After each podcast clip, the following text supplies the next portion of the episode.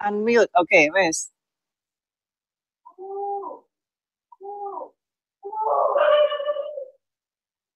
Mm-mm.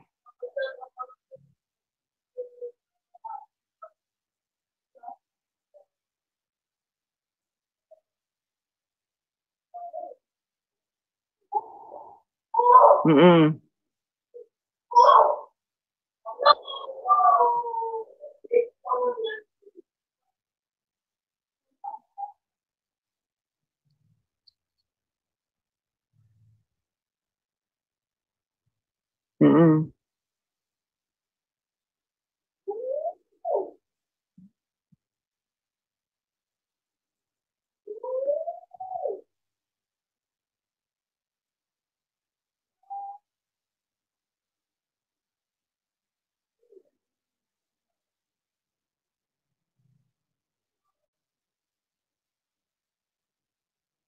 Mm-mm. Mm-mm.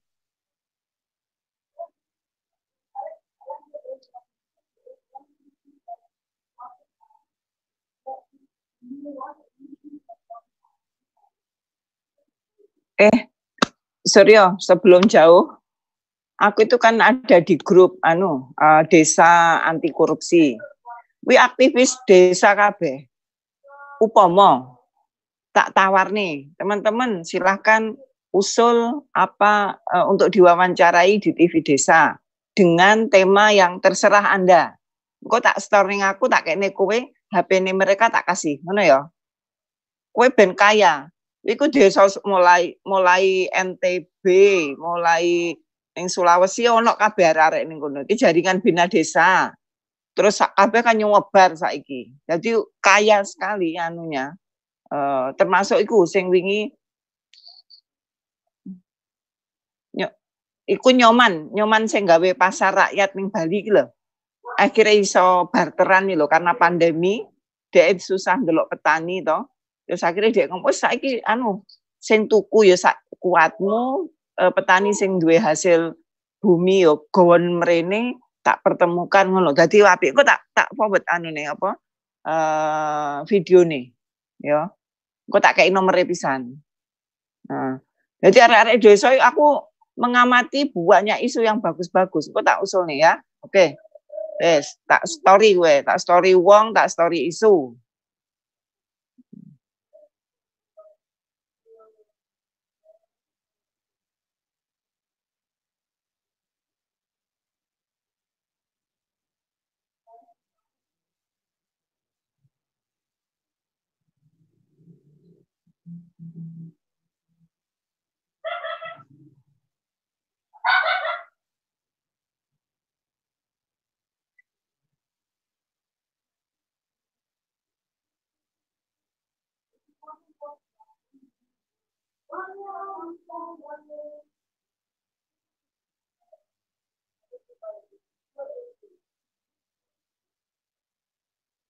Hmm.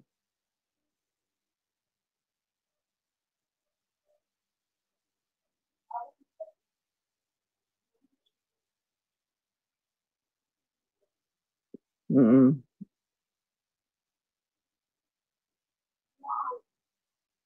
APBD perspektif. Ya pengaruh utamaan gender di desa pembangunan desa. Iki audiensnya siapa uh, anu ya kebanyakan aktivis desa ya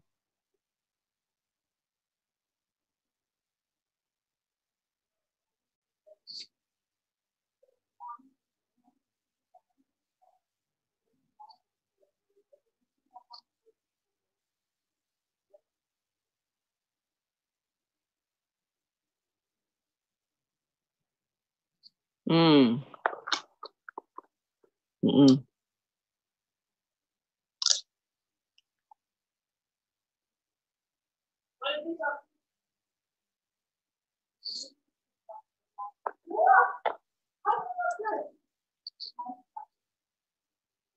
Hasilnya. Hmm. Hmm. Hmm. Oke. Okay. Ya.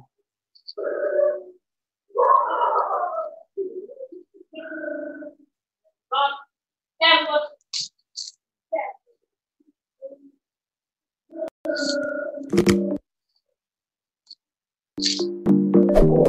you.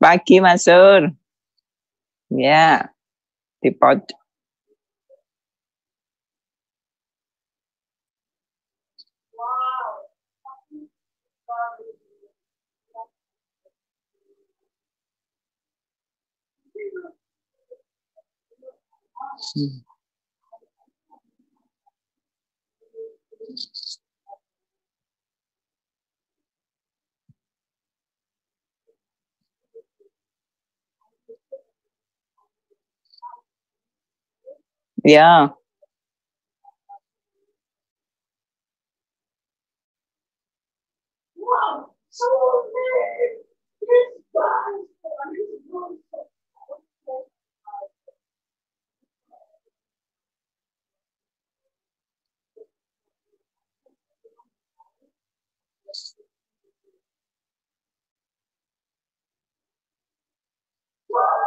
That's a no!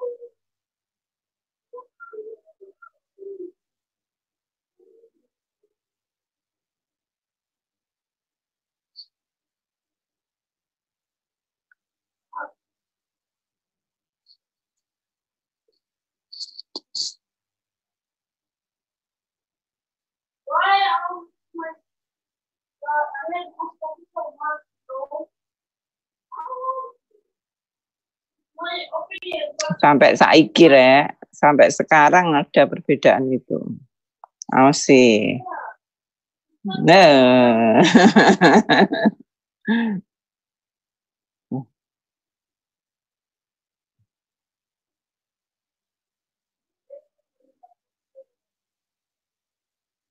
Nah, nggak benar juga itu. Itu nggak benar juga.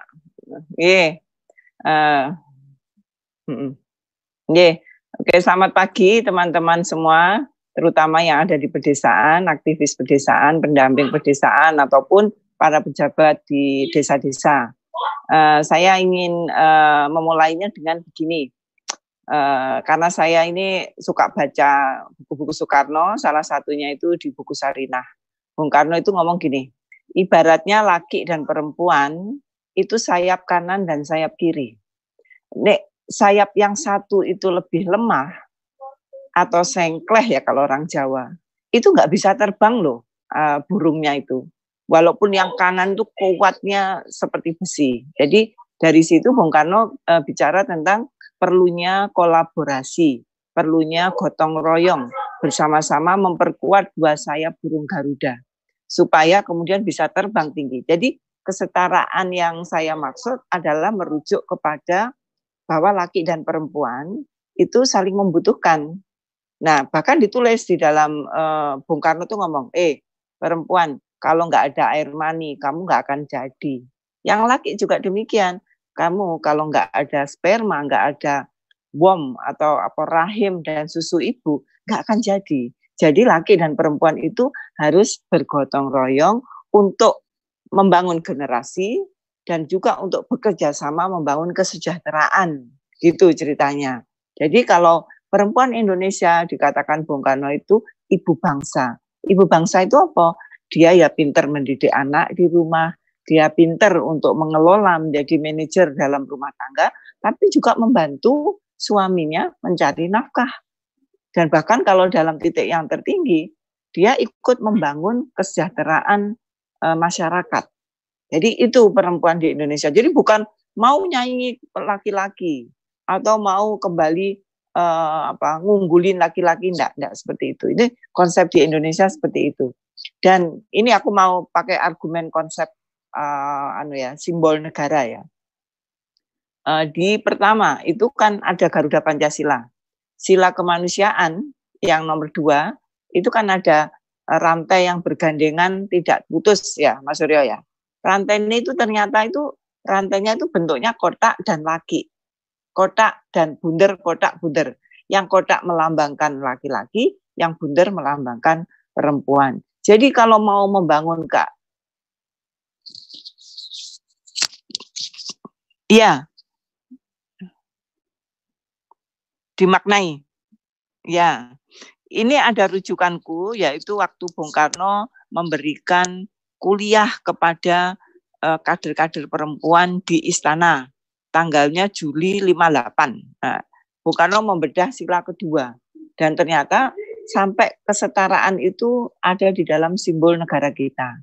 Yang kedua itu Garuda eh, maaf apa Bhinneka Tunggal Ika itu kan ada merah putih ya. Nah, merah putihnya itu juga eh, ada makna gendernya karena masyarakat kita religius, masyarakat kita itu petani agraris, maka menggunakan patokan di dalam menyelenggarakan pertanian itu alam. Yang putih itu adalah bulan, kemudian yang merah itu matahari. Mataharinya itu melambangkan darah perempuan, yang putih itu adalah darah laki-laki atau air mani. Dan ini dilanjutkan, darah itu merah itu berani, putih itu suci, putih itu bulan, dan seterusnya.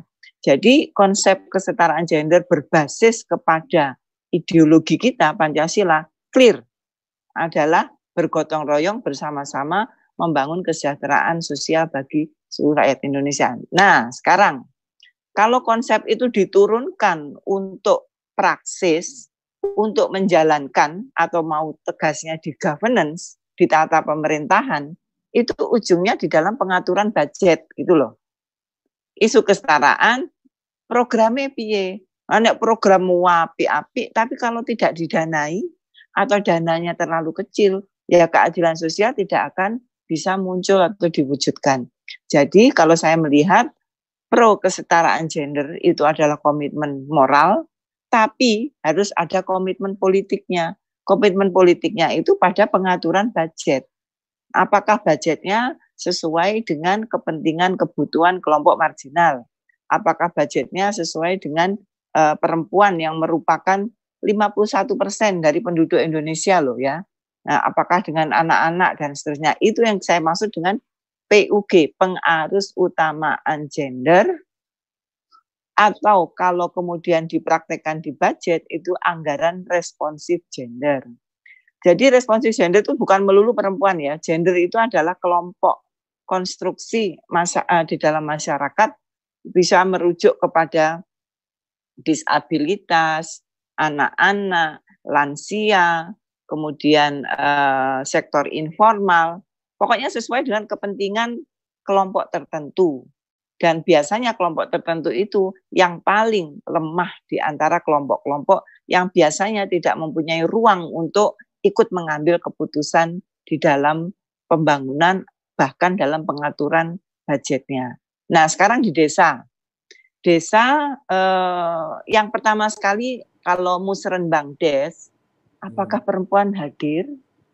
Kalau perempuan hadir, apakah membawa perspektif kepentingan perempuan atau hanya makmum dari kepentingan eh, bapak-bapak misalkan? Hmm. Nah, saya berteman dengan teman-teman yang melakukan advokasi pengarus utamaan gender di desa-desa yaitu kapal perempuan kapan-kapan diundang ya, Mas Suryo.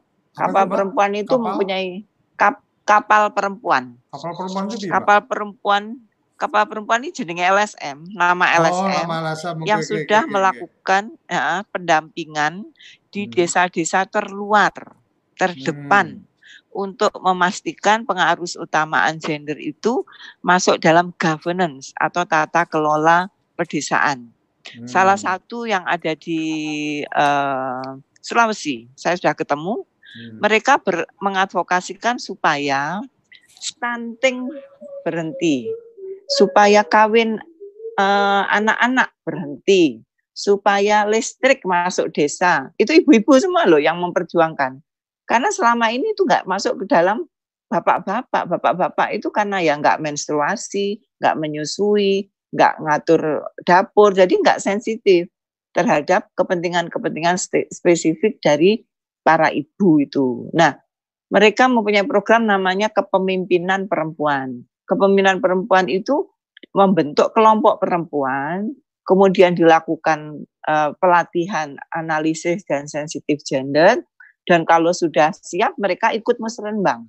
Jadi uh, pendekatannya adalah kepada Bapak Kepala Desa. Pak Kepala Desa, saya mau menghadirkan kelompok ibu-ibu yang menyuarakan kepentingan-kepentingan yang selama ini tidak dilihat oleh bapak-bapak. Jadi, uh, kawin muda itu bapak-bapak kan nggak nggak terlalu care ya ataupun kematian ibu bayi itu nggak terlalu care.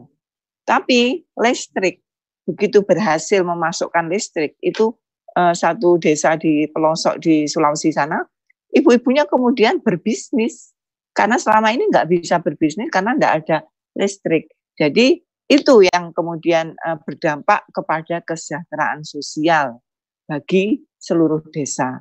Nah, bagusnya kalau gender responsive budget ini pendekatannya adalah eh, anggaran berbasis kinerja, berbasis output. Jadi kalau misalkan ingin menurunkan kemiskinan di desa, maka indikatornya dikembangkan. Misalkan eh, bahwa eh, terjadi penurunan eh, rumah tangga miskin dari 50 menjadi 30 pada periode ini. Jadi basisnya sudah indikator output Nah, kalau sudah itu baru kemudian programnya apa. Jadi output dulu, baru programnya berapa, dan baru berapa duitnya. Kalau selama ini kan dibalik. Duitnya enek piro, wis entek-entek nih. Nah, gak ngomong tentang output gitu loh. Tapi kalau kita menggunakan berbasis output dibalik, hasilnya apa sih, baru mundur. Jadi istilahnya money follows program money follows function gitu ceritanya. Fungsinya apa, outputnya apa, baru disusun. Jadi itu sebetulnya what is gender budget itu kronologisnya seperti itu Mas Suryo.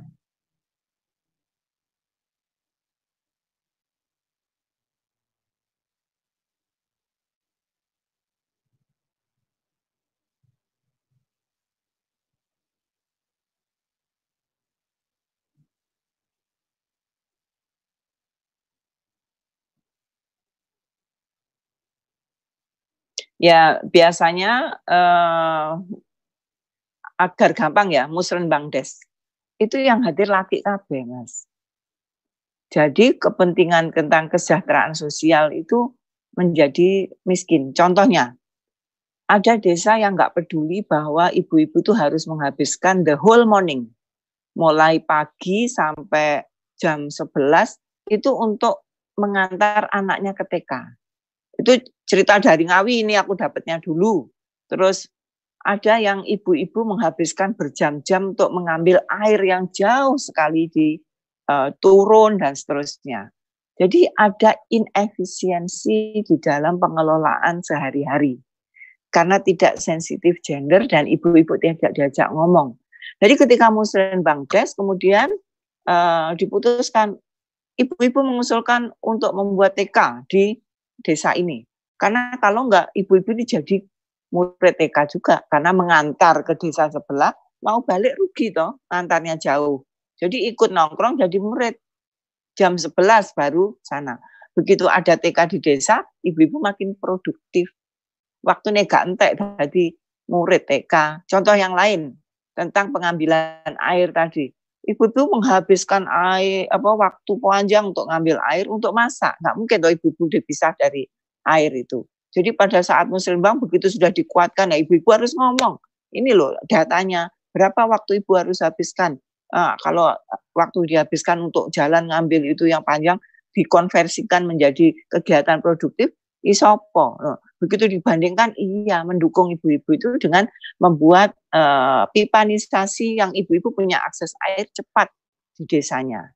Jadi uh, tidak menghabiskan waktu berjam-jam lagi, energinya ber uh, apa berkilo buat kilo height ya, eh, kilo apa ya kalau energi itu kalori untuk mengambil air yang hanya satu ember dua ember kan eman-eman waktunya segitu. Jadi dibangun pipanisasi, ada pompa di itu ibu-ibu lega. Begitu ibu-ibu lega bisa melakukan kegiatan-kegiatan produktif, bukan hanya kegiatan household atau masak-memasak. Jadi di dalam studi gender yang terakhir dikatakan kenapa pertumbuhan ekonomi Jepang itu tidak bisa sekuat di negara-negara maju yang lainnya.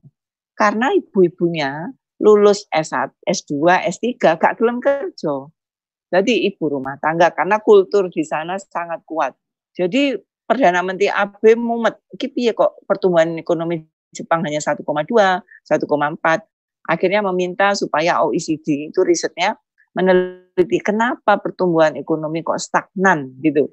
Nah, begitu diteliti ternyata nah ini ada idle capacity labor workmu nggak ada yang mau kerja pada pinter-pinter. Nah, jadi sekarang Abenomics ya itu mendorong perempuan untuk masuk ke labor market. Hal yang sama kita lihat di Skandinavia. Kenapa Skandinavia kok HDI-nya tinggi, uh, indeks bahagianya paling tinggi saat dunia, lalu KDRT ini nol, lalu menjadi tempat paling aman. Para refugi sing saka Timur Tengah kan jauh lalu gak gelem ning Jerman, gak gelem ning negara-negara lain jaluk ning Australia, tapi jaluknya ning gone Skandinavia kan apa? Di sana nggak ada diskriminasi, eh, kesetaraan gendernya itu paling bagus, jadi kemakmuran tinggi, bahagianya tinggi dan sebagainya. Nah di desa sekarang kan ada duit banyak tuh. Bagaimana agar duit dikelola secara efektif, efisien, ekonomis dan adil. Masukkan perempuan untuk mengambil keputusan tapi masuk di itu setelah mereka mengidentifikasi kepentingannya. Bagaimana memakmurkan desa dari perspektif perempuan. Kayak ibu-ibu di Bulukumba ya kalau nggak salah. Aku tuh pengen masak untuk dijual, tapi gak enak listrik menurut keluhannya. Oke ibu-ibu mari diskusi. Maka diskusi dan akhirnya membuat uh, listrik desa, didirikan koperasi, produktif di situ. Ini cerita dari Mbak uh, Trimumpuni yang dia kemudian bantu untuk membuat uh, apa mikro hidro listrik di desa akhirnya orang gak tukaran gak gosip gak uh, bengkerengan tapi produktif anak-anak belajarnya lancar kemudian ibu-ibunya bikin bisa bikin uh, home industry bapak-bapaknya juga seneng dong nih bojone pinter bojone golek duit dan seterusnya makmur desa itu jadi mengelola budget desa berperspektif gender menjamin satu, ekonomi efisien, efektif, dan seterusnya. Kedua, pemerataannya bagus. Ketiga, kebahagiaannya akan naik kalau semua everybody happy ya, nggak sing luwe, seneng kabeh, kemudian padang, dan seterusnya. Dan yang berikutnya, anti kemiskinan. Kenapa? Karena gender budget fokus kepada yang paling lemah yang paling terbelakang itu yang kemudian dinaikkan sehingga biasanya yang eh, tingkat kemiskinan akan turun apabila pengelolaan budget desa itu menggunakan eh, pengaruh utama gender atau eh, gender responsive budget. Gitu maksud.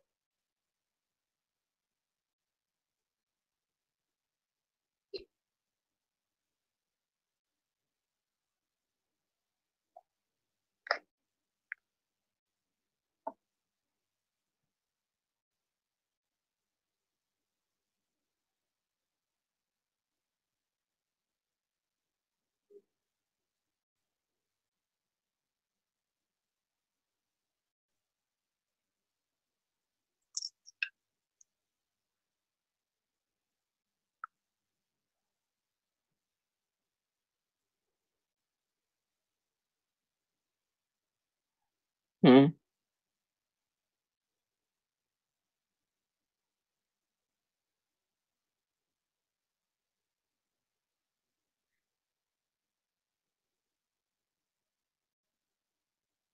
Padha wae lanang wedok. Iya, gini loh. Itu kan yang kita itu dididik atau yang ada di imajinasi kita itu ada pembagian seks itu loh repotnya. Nah itu kepada laki dan kepada perempuan. Jadi yang perempuan gak sadar nih dia itu bukan menjadi dirinya ya, tidak sadar potensi-potensi dirinya. Misalkan uh, wes wong wedok ini ngomah hae, gak usah lapopo kayak ngono ya. Nah itu terinternalisasi. Terus bojone ya ngono terinternalisasi, terus gak usah lah iki anak dhewe wong wedok meskipun pinter gak usah di sekolah nih duwe gak cukup gak nih sing masih wae. Lah masih koplak ngono lho goblok. Ini peso-peso. Jadi kan ada inefisiensi gitu di dalamnya. Nah nek nggone pendekatan uh, gender apa budget itu sesuai dengan kebutuhan. Jadi objektif. Oh terganggu lanang wedok tadi. Nah jadi kayak Mhm.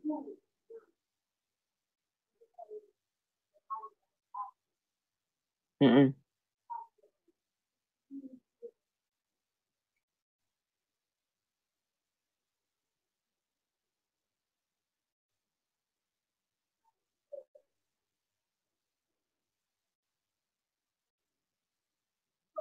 Nek ning India Nek ning India, iku pendekatannya dua sekaligus untuk transformasi.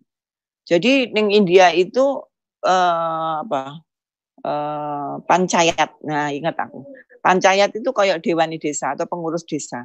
Itu dia sudah praktek 33,3 persen harus ibu-ibu. Jadi pengurusnya itu kudu anak wedoke. Wedoke tapi yo sing kepalanya itu agenda patriarki, tapi ibu-ibu yang ditugasi kayak kuota ya eh kue melebu DPR, ini ada kuota perempuan, tapi nek melebu merono agendamu harus meningkatkan kesejahteraan perempuan, status perempuan. Nah, ning India ki ngono dipaksa ibu-ibu itu oh, untuk masuk menjadi pengurus desa pancayat itu. Nah, akhirnya di situ uh, ada pendekatan struktur yaitu dibuka uh, strukturnya sistemnya dipaksa untuk gender responsif, tapi juga harus ada pemberdayaan. Pemberdayaannya apa? Uh, pelatihan, penyadaran, pelatihan kepemimpinan. Iki lho nek kowe gak gelem ngomong. Desa itu duwi kocar kacir, tidak untuk keadilan sosial ngono. Jadi dua-duanya dari struktur dan dari kultur harus bareng-bareng. Tapi nek uh, para pemimpin desa ini wis tiba-tiba as ibu-ibu itu was ngerepoti ora usah dikai. Ah, repot. Terus engko mbok paksa uh, disalah nih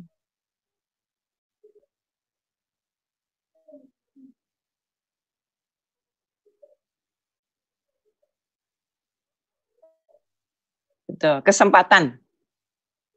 Hmm.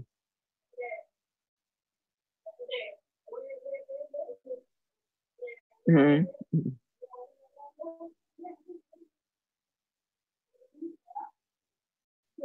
Iku piro ya BPM iki piro? BPD piro jumlahe kabeh?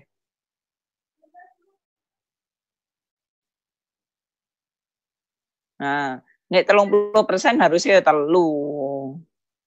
Nah, telu jadi kuat. Iya.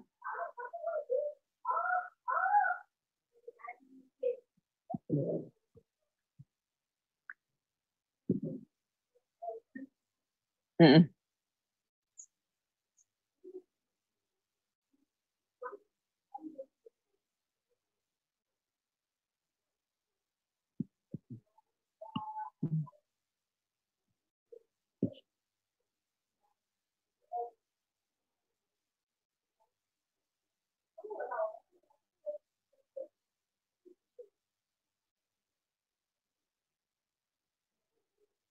Mm.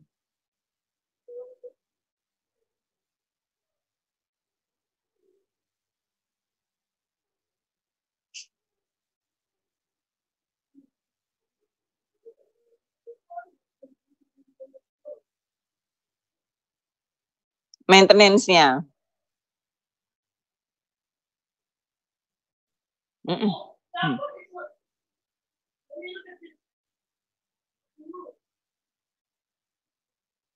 Ya pokoknya pelibatan. Namanya PUG PUG itu kayak gaya bikang ya.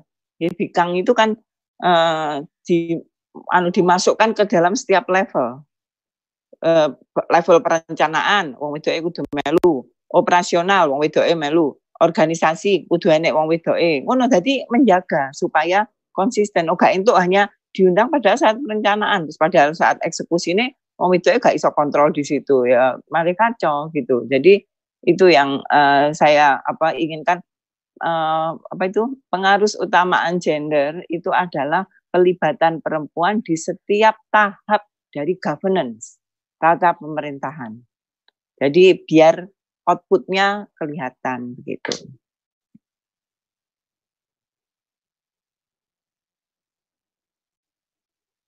Iki loh, mental loh, mental. Jadi harus dibebaskan dulu mitos-mitos yang hidup di kepala kita, baik di kepala perempuan maupun baik di kepala laki-laki. Itu loh.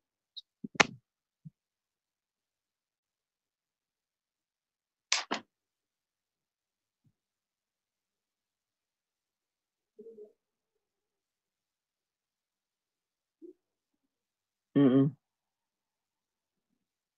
Ano, ada. Ada, itu paket gender sensitif. Itu ada untuk dijelaskan iki lho. Kowe iki uh, apa uh, ini aku tak mulai titik ayo. Ada problem diskriminasi terhadap perempuan. Sorry. Diskriminasi itu wujudnya stigmatisasi, stereotip stereotip apa stereotip ya. Lalu kekerasan anu ujungnya. Itu mendatangkan diskriminasi karena apa? Perempuan dicap. Kalau saya jadi pemimpin, perempuan itu cerewet, emosi, nah, dicap. Sorry. Terus ada stereotyping. Ah, perempuan itu mesti anu apa pantasnya jadi bendarai, no, gak jadi ketua. Itu dibuat sih kan. Nah, itu munculnya dari mitos yang ditanamkan di kepala kita sejak pendidikan itu.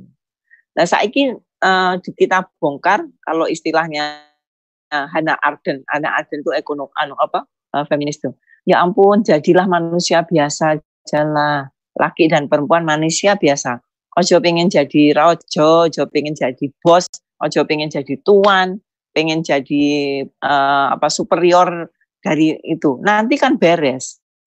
Tapi nek laki-lakinya pengen jadi manusia setengah dewa, terus wong wedoke dianggap manusia biasa. Akhirnya ada tadi diskriminasi, stigmatisasi dan seterusnya. Ayo sama-sama sebagai manusia biasa. Apalagi main Tuhan-Tuhanan. Nasibnya wong wedok di pangkas, dibelokin, dipan. Itu kan main Tuhan-Tuhanan. Jadi wong lanang ini iso jadi manusia biasa ae. Yang wedok ya manusia biasa ae ngono. Jadi ning kepala nih kita itu ada penghormatan, ada uh, apa itu martabatnya itu sama. Tapi nek wis membangun superioritas di dalam diri laki itu akhirnya muncul diskriminasi, stigmatisasi sampai violence ya KDRT itu loh. Jadi apa tantangan kita? Kepala yang itu yang muncul dan hidup di kepala kita itu. Kita harus cek ini betul berdasar fakta atau berdasarkan asumsi. Nah praktek gender itu berdasar asumsi biasanya. Ah, wong wedok itu kan uh, mens, jadi gajinya diparuai. Padahal lebih produktif wong wedok dibanding wong lanang.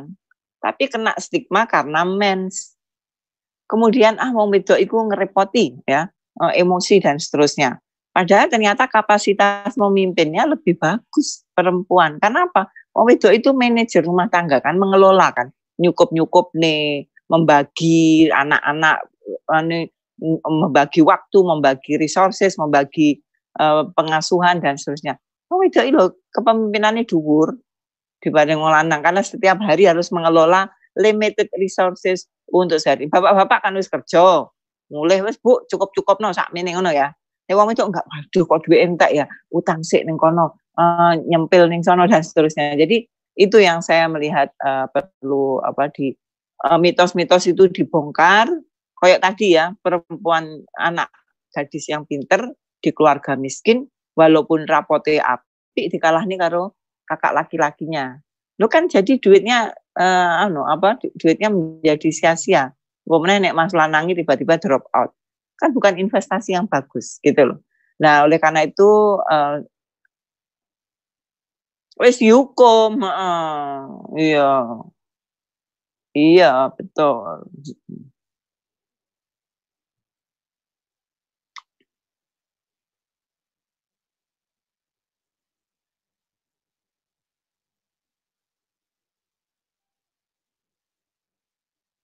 Iya.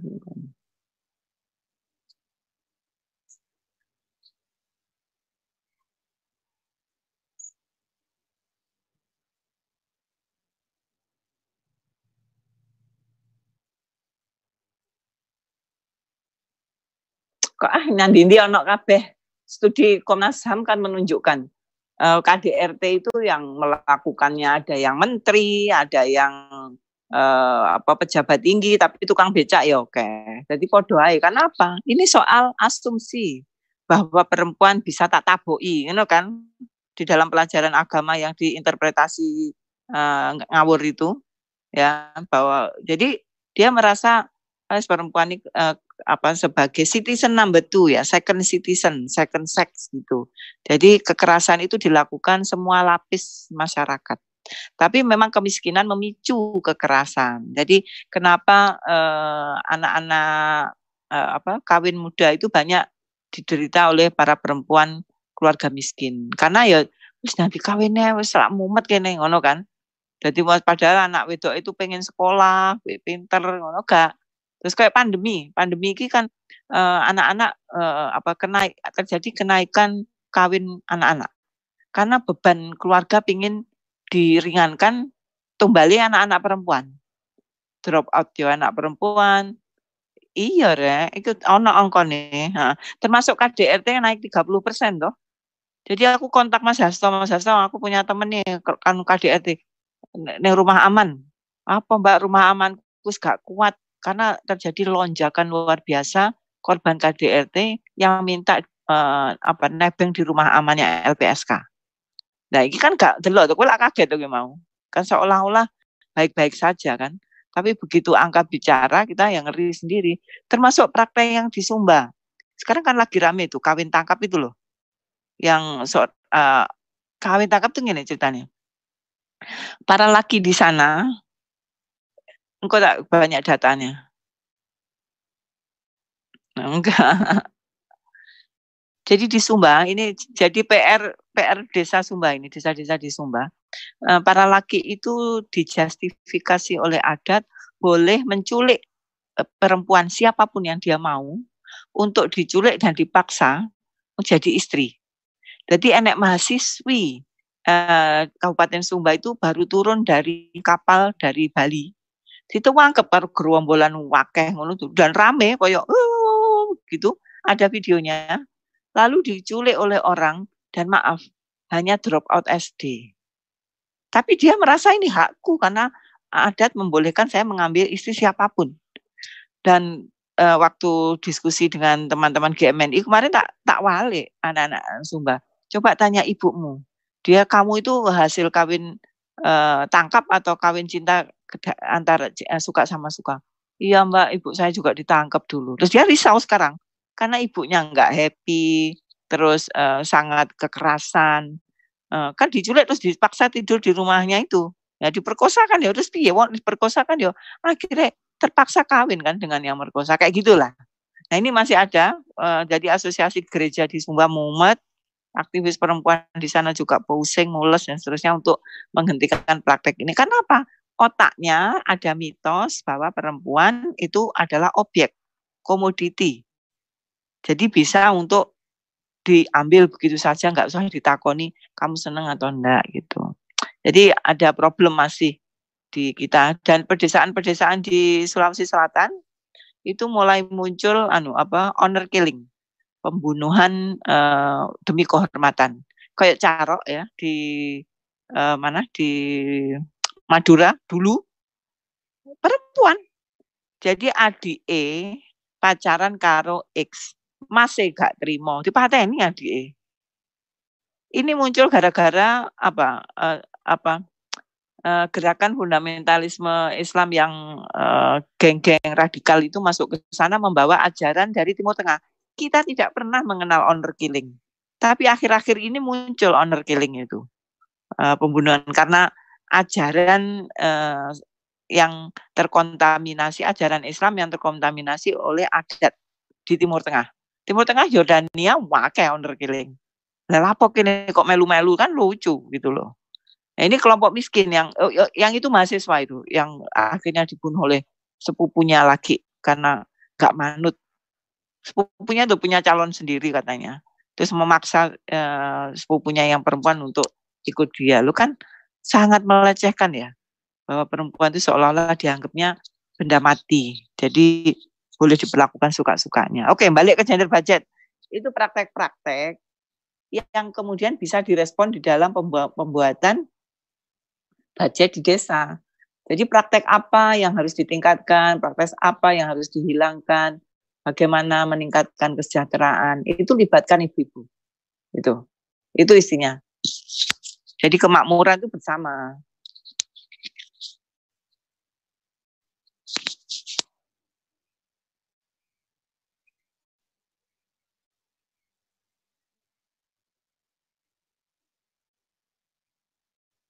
Ya. Ya kultur memang.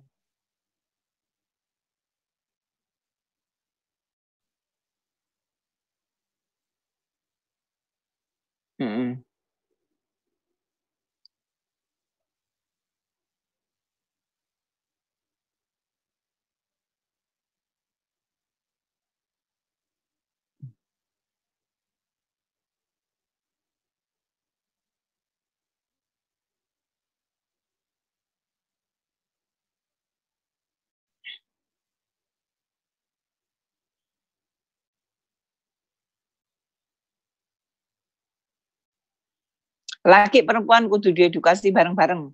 Itu mereka itu korban dari budaya semua. Jadi perempuan menjadi korban, kadang nilai-nilai itu diinternalisasi.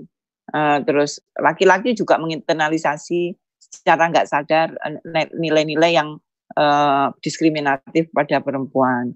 Ini kita korban semua, jadi makanya harus ada pendekatan struktur, pendekatan kultur, dua-duanya jalan baru ada transformasi dalam masyarakat tersebut yang dulunya uh, praktek diskriminasi sekarang sudah toleran kayak gitu. Jadi ini makanya Bung Karno benar ngomongnya, eh gotong royong, eh, eh wong lanang kamu nggak bisa akan maju kalau nggak mengajak maju para perempuan gitu. Dan ini sekarang Saudi kan mumet kan, Saudi ketika minyaknya habis perempuannya nggak terbiasa untuk di publik bingung saiki wonge. Jadi eh, kemakmuran yang berbasis kepada natural resources itu nggak bisa diandalkan. Suatu saat akan habis dan kunci kemajuan mana pun ya selalu human resources gitu loh. Human resources ya laki ya perempuan, nggak mungkin uh, laki doang gitu. Hmm.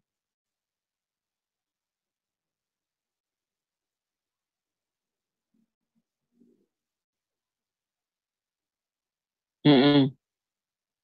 Hmm.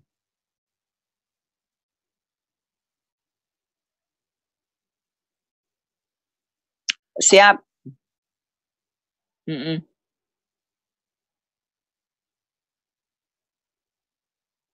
Mhm. Mhm.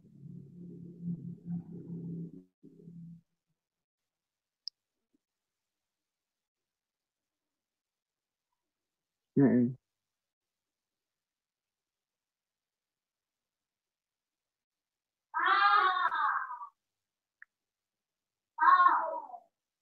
Hmm.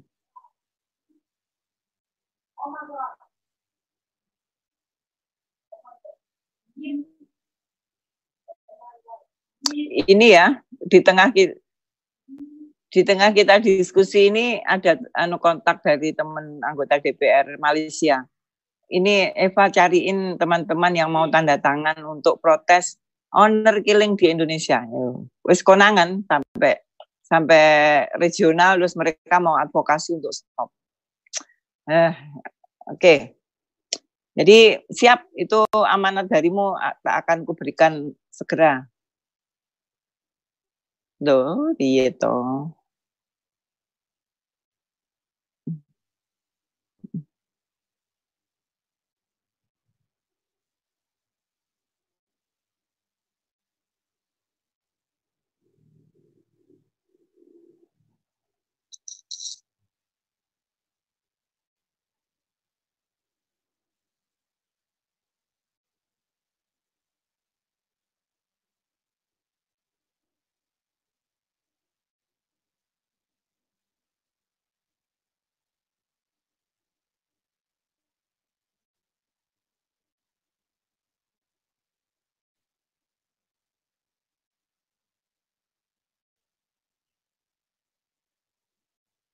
Mm-mm.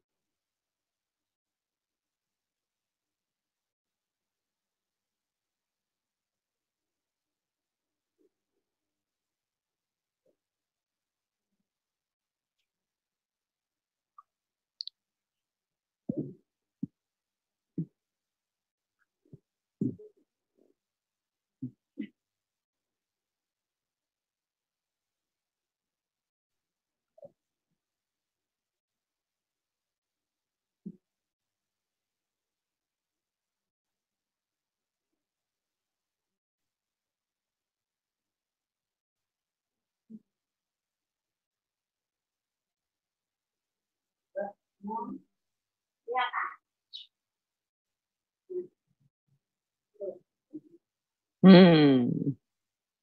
Iya, aku lali, sorry. Mm -hmm.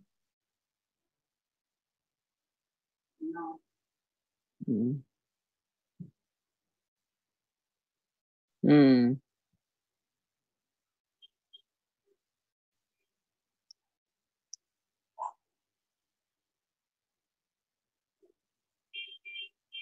うん。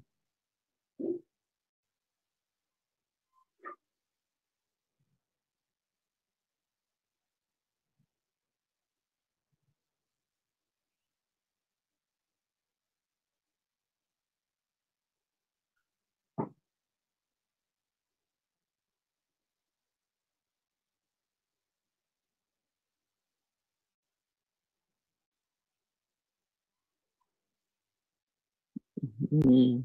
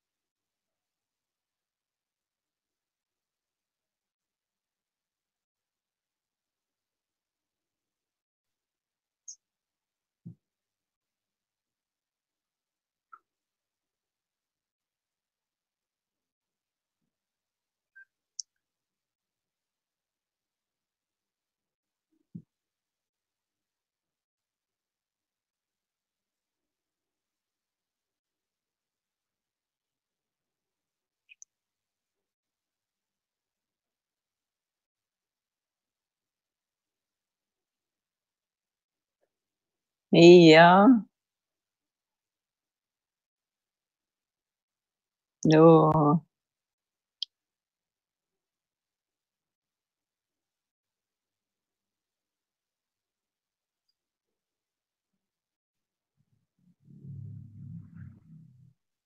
Mm.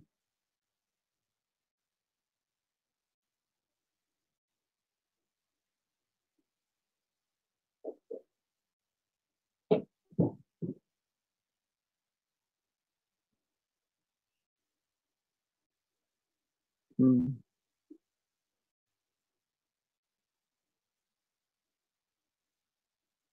Mm.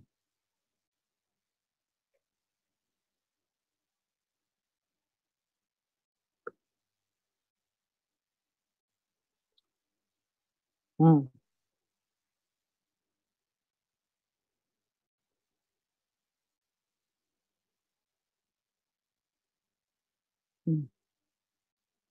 Boleh boleh, mau aku. Iya, kasih kuota.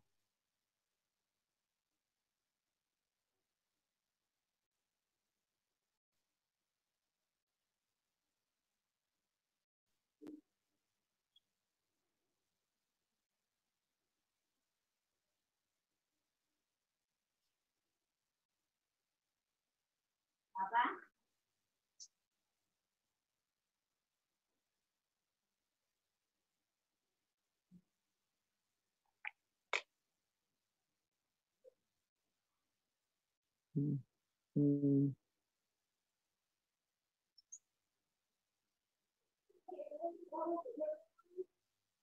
Yeah.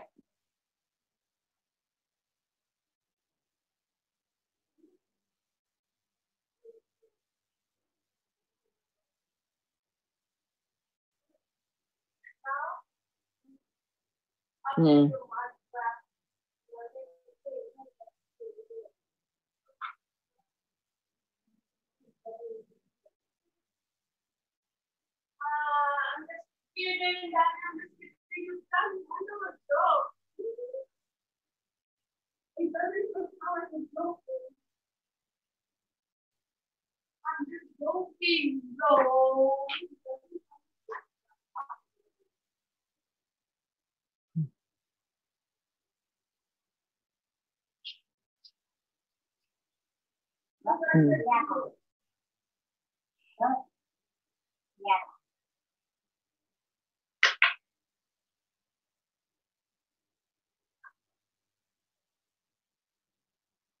Hmm. Oh, nangis jerit-jerit kok. Engkau tak tak forward ke kamu deh. Ngeri. Uh Oke, okay, Mas Suryo.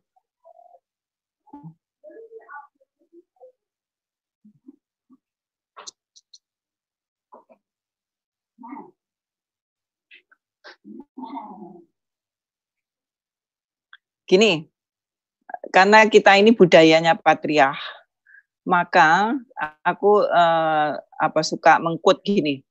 Transformasi itu tergantung pada the tone of the top. Kalau mau membuat eh, perubahan-perubahan sosial eh, agar lebih progresif, itu para pemimpin. Jadi kalau kita kemudian melihat ada kepala desa, kemudian ada aktivis BPD, ini kan dua institusi yang sangat penting ya di dalam uh, pedesaan Uh, maka ya dua inilah yang harus disadarkan bahwa di dalam kepemimpinanmu itu harus ada perubahan yang positif, membawa peradaban yang baru ya, membawa kemajuan kesejahteraan, kebahagiaan bagi warga. Jadi saya melihat kuncinya di para tokoh, karena kita patria, gitu ya dari e, mau busuk itu ya dari kepalanya dulu nular ke bawah. Tapi kalau mau baik dari kepalanya juga kan ikan itu. E, jangan sampai busuk nanti sampai ekornya jadi busuk nanti gitu.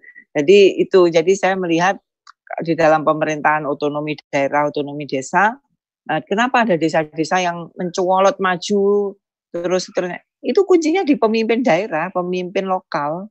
Nah, oleh karena itu saya berharap sih kalau uh, kepala apa uh, di pemerintahan desa di Kemendes itu ada eh, PUG pengarus utamaan gender.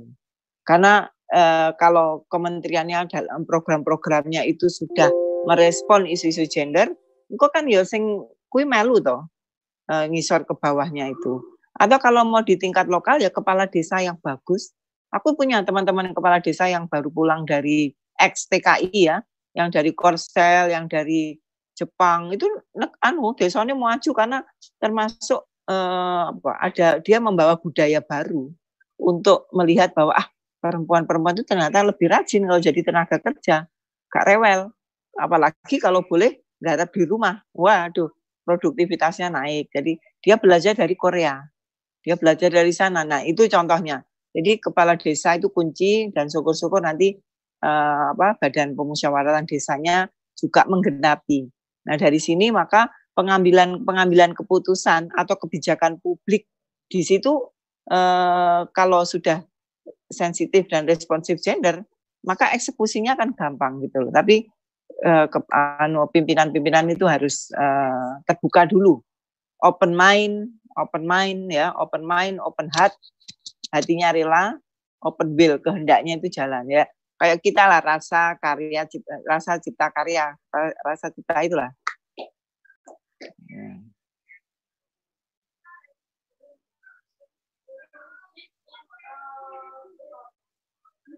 Mm-mm.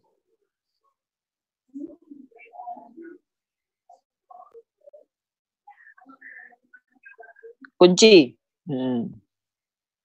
Hmm. Hmm. Jadi nek lokal leadersnya itu open mind, open heart, hatinya baik, open will, kehendak untuk majunya itu ada. Tiga syarat inilah.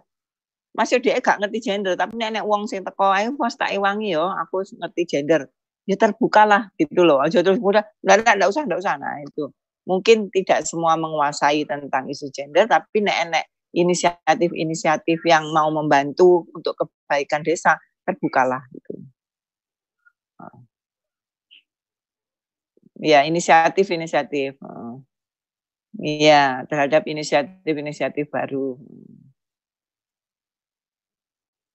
Aku sih bayangin ya, teman-teman area-area PMII, GMNI yang duwe basis-basis yang desa iku nek di, dirangkul eh ngono iki yo pasti oke. Okay.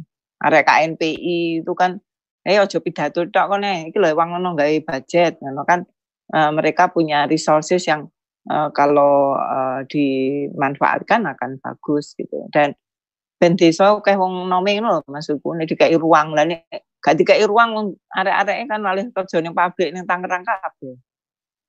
Jadi terbukalah. Terhadap inisiatif-inisiatif progresif yang kadang oh, opo itu gitu tapi ketika logis objektif ya mari kita ambil gitu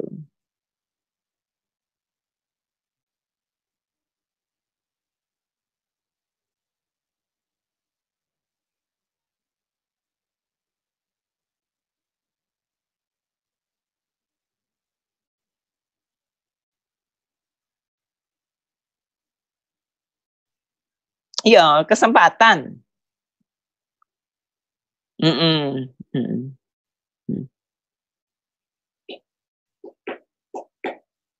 Mm-mm.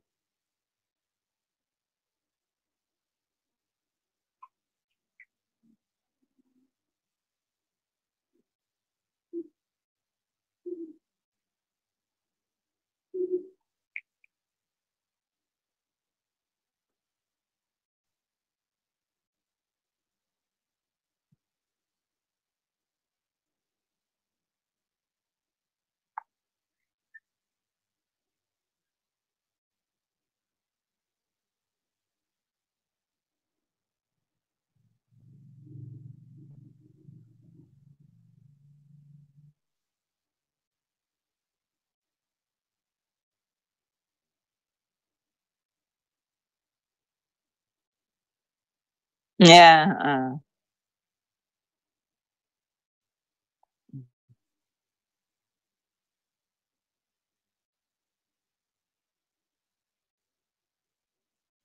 Kondisi objektif, kebutuhan objektif. Uh.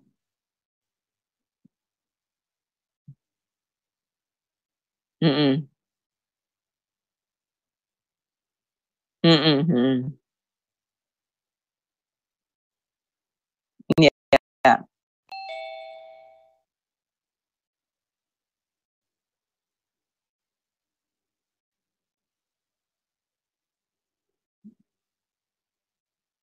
Mm-mm.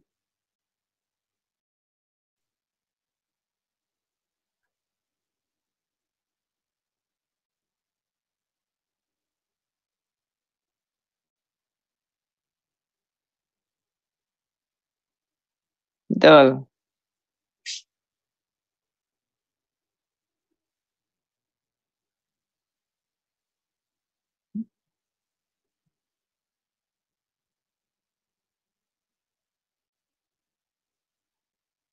Ya.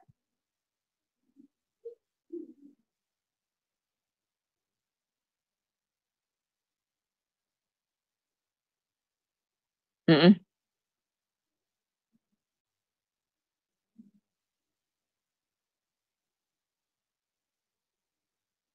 Sebelas. Sama-sama.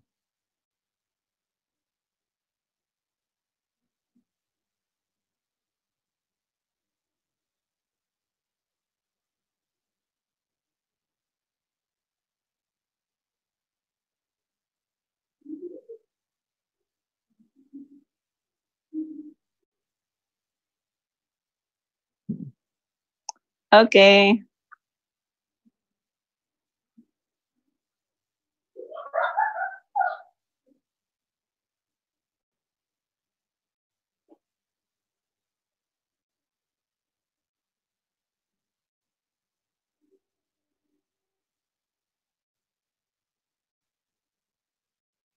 Iya.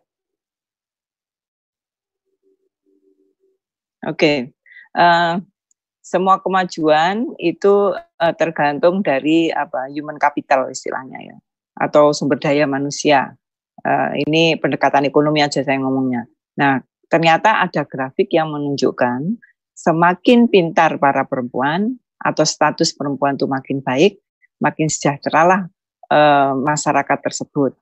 Dan ini sudah saya apa running ya data ini uh, apakah gender uh, empowerment index itu berdampak kepada HPI uh, indeks uh, kesejahteraan dan juga terhadap indeks kemiskinan. Ternyata betul semakin tinggi uh, status perempuan, semakin pinter, semakin sejahtera, semakin bebas, itu kemakmuran makin tinggi. Uh, dan ini dikonfirmasi di dalam SDGs ya. SDGs itu negara-negara yang kesetaraan gendernya bagus atau tidak ada diskriminasi, uh, SDGs-nya tinggi-tinggi banget ya. Oleh karena itu kunci dari uh, membangun kemakmuran di desa, kesejahteraan di desa itu adalah dengan menyertakan, memintarkan, uh, melibatkan, memberi kesempatan kepada para perempuan. Karena faktanya perempuan itu kan 50% dari penduduk kita. Jadi eh, mari kita terbuka, mari kita jangan kehilangan kesempatan untuk lebih maju, lebih berkembang, karena selama ini kita belum mengoptimalkan eh, potensi-potensi di desa, terutama adalah eh, potensi sumber daya manusia perempuan kita. Mungkin itu. Terima kasih. Sama-sama.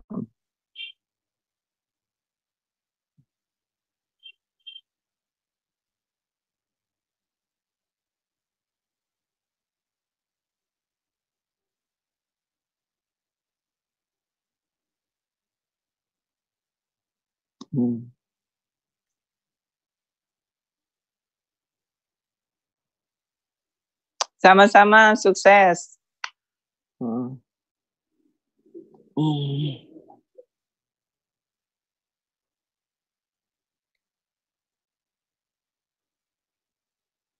Siap.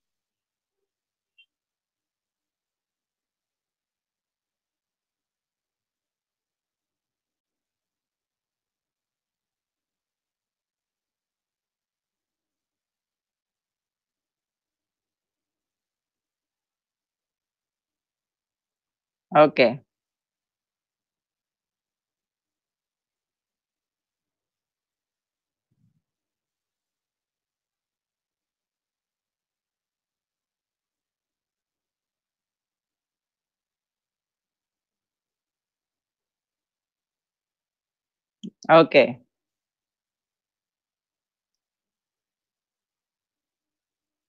Oke. Oke. Salam baiknya.